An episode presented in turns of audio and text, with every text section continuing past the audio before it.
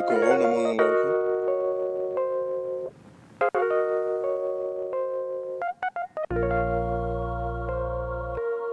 Monoloog 5.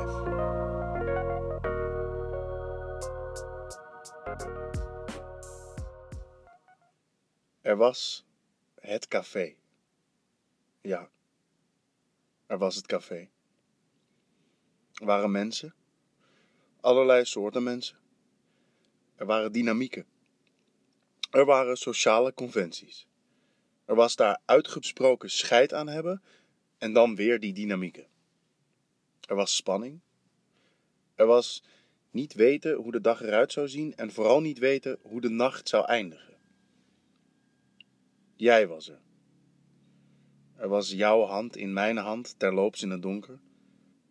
Er was de ontdekking dat salade caprese het beste smaakt als je hem serveert na sluitingstijd ergens tussen 4 en 7 in de ochtend. Er was het eindeloze tuimelen van glas in glas in glas in de armen van wie dan ook.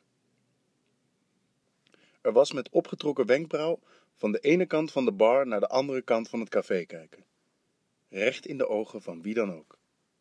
Er was om elkaar heen draaien. Er was een vreemde achterop mijn fiets die zich stevig vasthield aan mij. Er was jouw gedagkussen. Net iets te lang. Op de mond. Ondanks de vreemde achterop mijn fiets. Er was mijn glas heffen. Saluti a tutti roepen en het plezier van tien willekeurige mensen die hetzelfde terugroepen. Er was roken voor het café, met gelichte hiel en in mijn mooiste pak. Er was iemand die naar buiten kwam met een bier.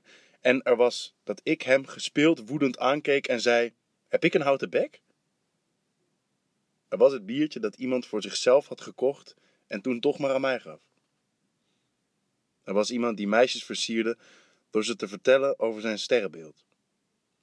Er was de gedachte: wie trapt daar nu in? Er waren meisjes die erin trapten, bij bosjes. Er was iemand die vragen stelde die ik gretig beantwoordde. Er was een aparte ontmoeting op het toilet.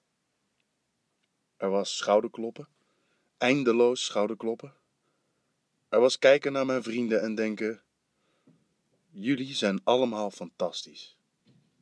Er waren bruine cafés. Er waren nachtcafés. Er was altijd wat. Er was s'nachts met jou op zoek naar een plek om sigaretten te kopen. Er was hoe je lachend stilstond.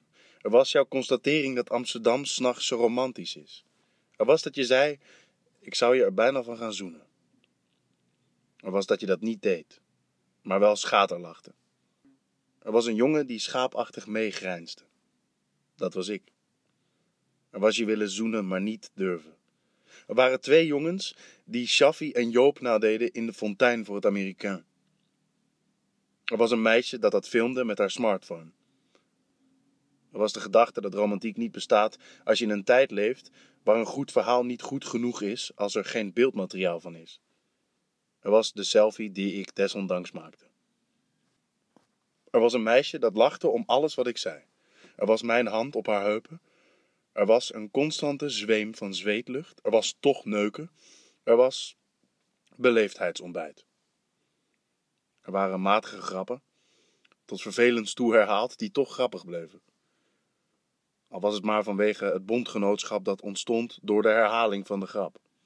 Er waren mensen die erbij stonden, meelachten, ondanks dat er voor hen weinig te lachen viel om de matige grap, maar die gewoon graag bij het bondgenootschap wilden horen. Er was altijd wat. Er waren schuine blikken door het café heen. Er was iemand die bij het sluiten riep dat het vrij neuken kon beginnen. Er was vertwijfeld bij mijn fiets staan. Er was iemand die zei: Kunnen we niet gewoon stoppen op het hoogtepunt? Ik word altijd zo ongelukkig van afterparties. Er was iemand die een zwembadpad de straat uitliep terwijl hij lachend schreeuwde: Daar gaan we! Recht het ongeluk tegemoet. Er was meegaan of achterblijven. Er was voorop lopen of stil verdwijnen. Er was iemand die niet meeging uit principe. Er was de vraag welk principe. Er was iemand die meeging ondanks principes. Er was jouw zoeken met mijn ogen.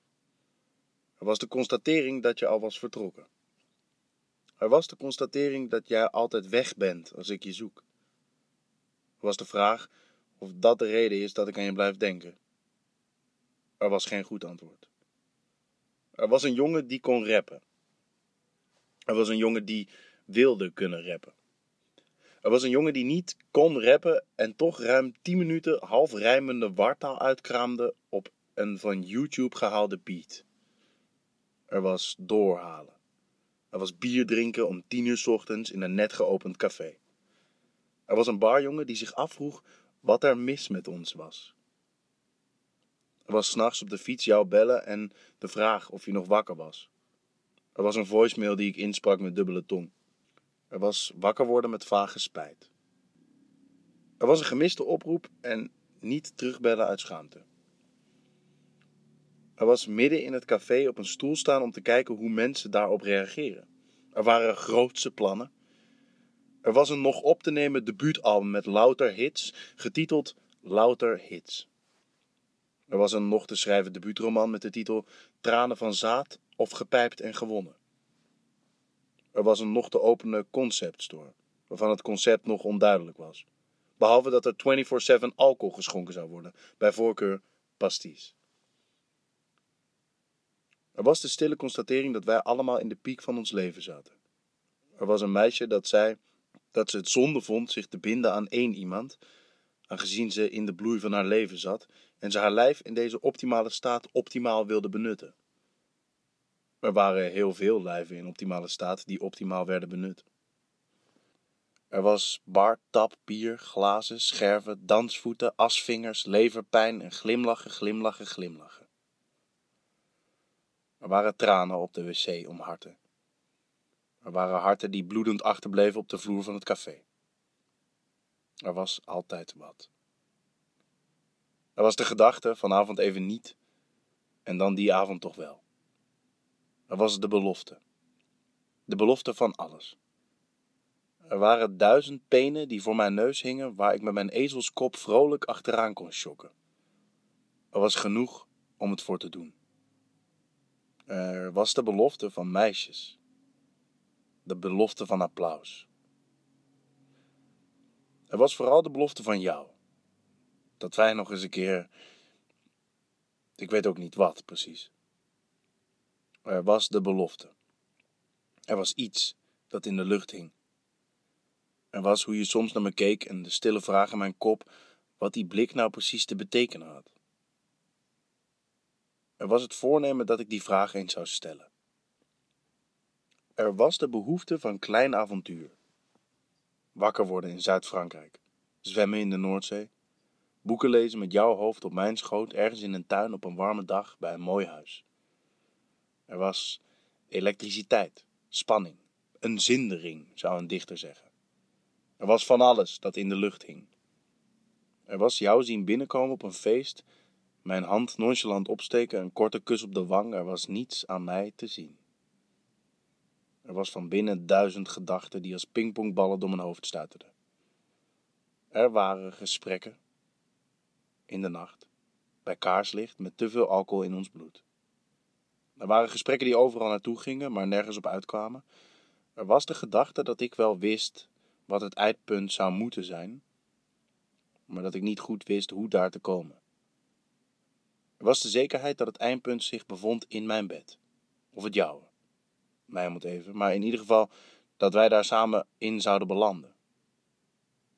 Of nee, er was de zekerheid dat het eindpunt zich bevond verstrengeld in elkaars armen. Mij moet even op welke plek dat zou plaatsvinden. Er waren beloftes. En spanning.